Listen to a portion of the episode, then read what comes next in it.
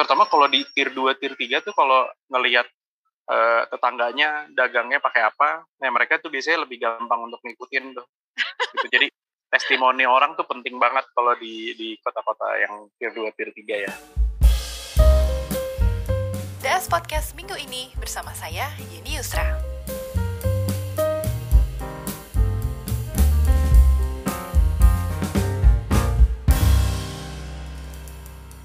Angga, apa kabar? Halo, Mbak Yeni. Alhamdulillah. Rahmat Anggara, tapi gue manggilnya Angga aja, bener ya? Iya, Angga aja. Oke. Okay. Lebih modern. Oke, okay, uh, eh, sebelum yeah. kita dive in ke conversation, mungkin Angga bisa jelaskan kasir itu apa sih dan sekarang ini pertumbuhannya okay. seperti apa di Indonesia?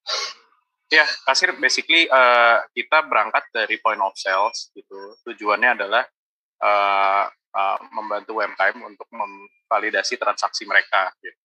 Nah, apa uh, kita punya uh, tujuan yaitu pengen jadiin usahawan user kita itu kita sebut usahawan itu jadi cuan mbak Yeni. Oh. Jadi cuan itu C-nya canggih gitu. Jadi mereka punya uh, bisa dapat teknologi yang uh, canggih terbaru gitu tanpa harus uh, effort lebih.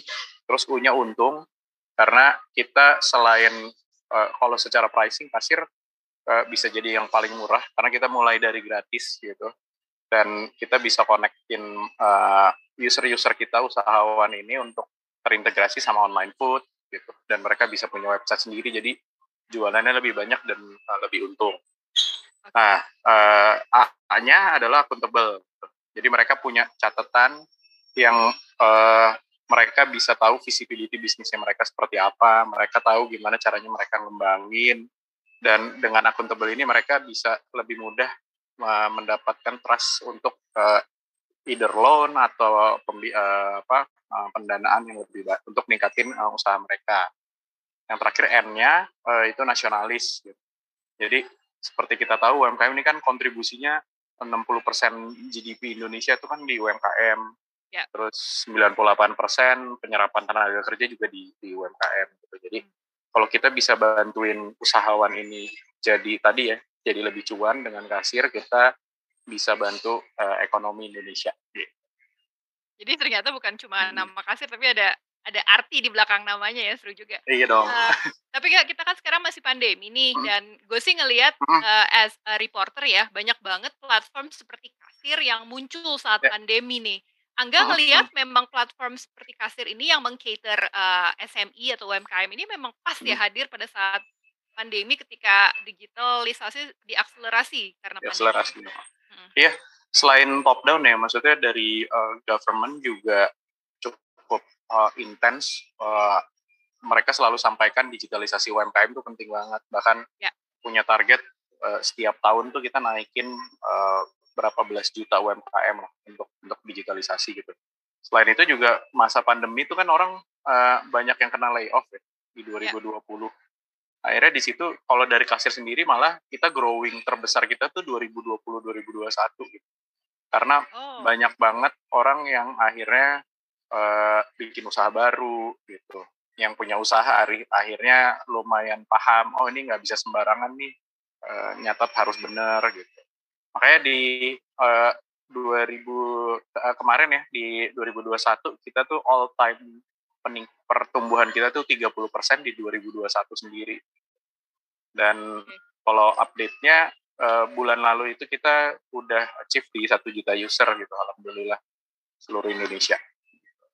Itu kemarin juga sempat terima rilisnya tuh satu juta user itu buat kasir achievement banget ya karena to get there-nya nggak gampang ya. Nggak mungkin bisa iya, iya. mungkin perjalanannya seperti apa sih lika-likunya sampai akhirnya sekarang sudah ke satu juta user.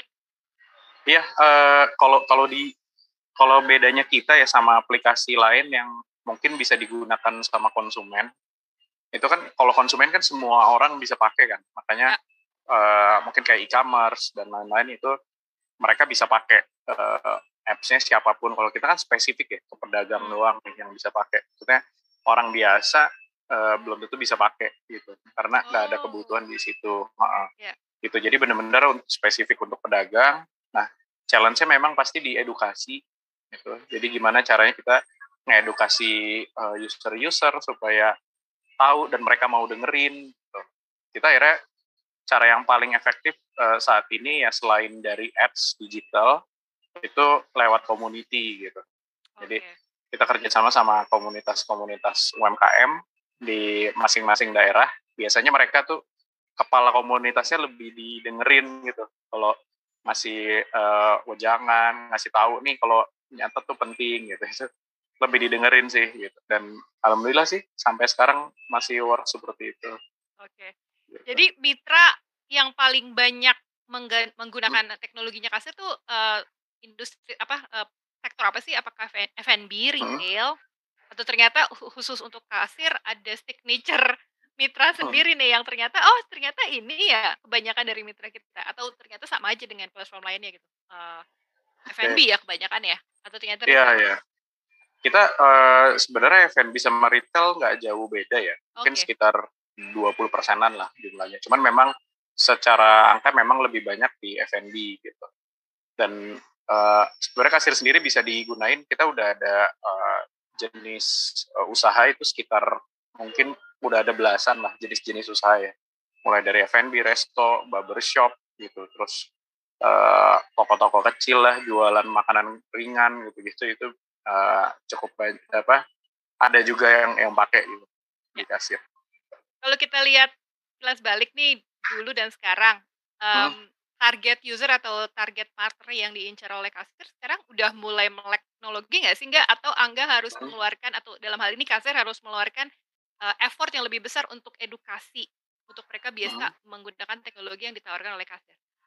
Oke, kalau dulu di kota tier uh, satu pun awal-awal kita bangun ya kota tier satu pun uh, nggak banyak yang uh, cukup banyak juga yang belum belum melek ke itu dulu tahun berapa tuh? sebelum pandemi atau early? oh sebelum maksudnya 2015 2015 2015 uh, 2015 pas, sampai pas 17 baru muncul lah ya 2017 ya? Uh, uh, itu belum belum semelek itu orang-orang gitu. Okay. belum tahu ini penting atau apa gitu. Jadi kita yeah. akuisisi di Jakarta aja uh, cukup susah gitu. Cuman sekarang tier 1 udah lumayan oke okay, gitu. Nah, sekarang kita lagi fokus di tier 2, tier 3 sih gitu. Wow. Yang caranya kurang lebih sama lah. Okay. Gitu harus diedukasi, harus di kontak gitu. Tapi tier 2 dan tier 3 ini semua semua platform, hmm? semua startup kayaknya menyasar ke mereka ya. Kalau Angga ngelihat sebagai hmm. player, tantangan hmm. seperti apa sih yang masih dihadapi? Apakah same old, same old gitu infrastruktur atau ternyata ada tantangan lain dalam hal ini yang dikater oleh kasir? Hmm ada aja sih di uh, kayak kemarin kita ke Banjarnegara okay. ada aja tuh ibu-ibu punya handphone tapi uh, waktu mereka nggak tahu email apa terus sekarang di handphonenya nggak ada nggak ada sim cardnya gitu oh. masih ada yang kayak gitu gitu ibu-ibu uh -uh. gitu. jadi cuman ya handphonenya dipakai WhatsApp atau main Facebook aja gitu yang okay. yang yang installin anak saya biasanya kayak gitu gitu sih jadi tapi udah mulai ini ya karena banyak banget ternyata gerakan-gerakan di bawah yang uh, punya visi sama punya misi hmm. yang untuk membangun si uh, eh, UMKM ini. Dan kita cukup terbantu sih lewat situ ya. Oke. Okay. mm ini tahun dua ada lagi mungkin? Enggak enggak udah. So far udah ya? Uh, menarik ya uh, so far sih memang kendalanya masih sama gitu tapi untungnya mereka udah terbiasa dengan social media yang Kayaknya iya. heran kalau kita dibilang Facebook country ya karena memang Indonesia di kalangan mereka itu iya, iya. banget lihat Facebook. Paling nggak itu sudah so. bisa mendorong mereka untuk menggunakan apli uh, aplikasi atau menggunakan teknologi ya enggak ya? Uh -huh.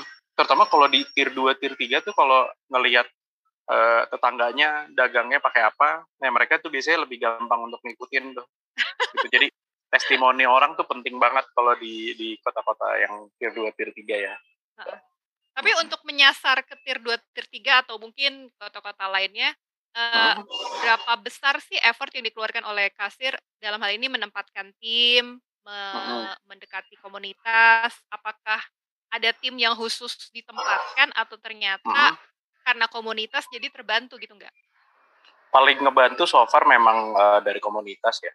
Oke. Okay. Cuman kalau tim sendiri memang kan kita full online gitu. Jadi uh, oh. kita biasanya tes dulu gitu di dipasang ads di daerah situ kalau responnya bagus nanti ya teman-teman akan akan uh, ditaruh beberapa orang yang fokus ya di daerah sini gitu untuk di kontak gitu agak-agak seperti itu sih caranya okay. jadinya lebih spesifik aja Karena emang harus menempatkan tim sendiri ke, sana ya, jadi bisa lebih memantau ya. Iya, tapi tapi by online, by oh, by telepon. Full online. Full online. Gitu. Udah tahun 2022 nih meskipun udah bulan Mei, ada target yang masih mau di-achieve nggak oleh kasir selain kemarin udah uh, hmm? udah satu juta user nih, nextnya mungkin yeah. nambah berapa juta user? Atau yeah. ada rencana funding ekspansi lagi mungkin tahun ini? Oh, iya iya. Uh, yang pertama ya funding kita lagi lagi uh, coba approach beberapa partner yang uh, kayaknya bisa jadi strategik untuk funding kita.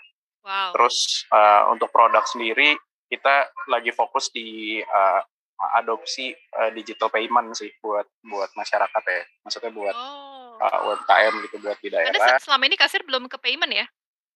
Uh, kita paymentnya uh, partnership aja sama. Oh, mau ngembangin gitu. in app sendiri gitu?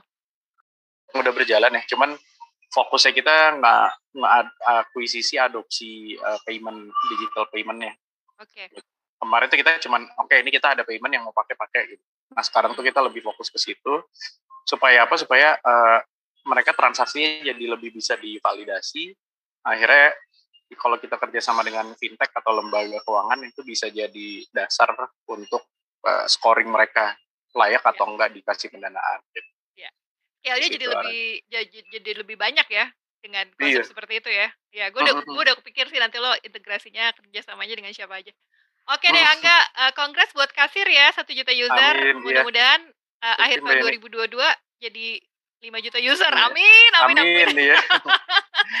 Oke, okay. ditunggu iya, kabar uh, kabar fundingnya dan uh, solusi paymentnya ya. Sukses buat kasir Siap, ya. Sampai ketemu lagi ya Angga ya. DS Podcast minggu ini bersama saya Yeni Yusra.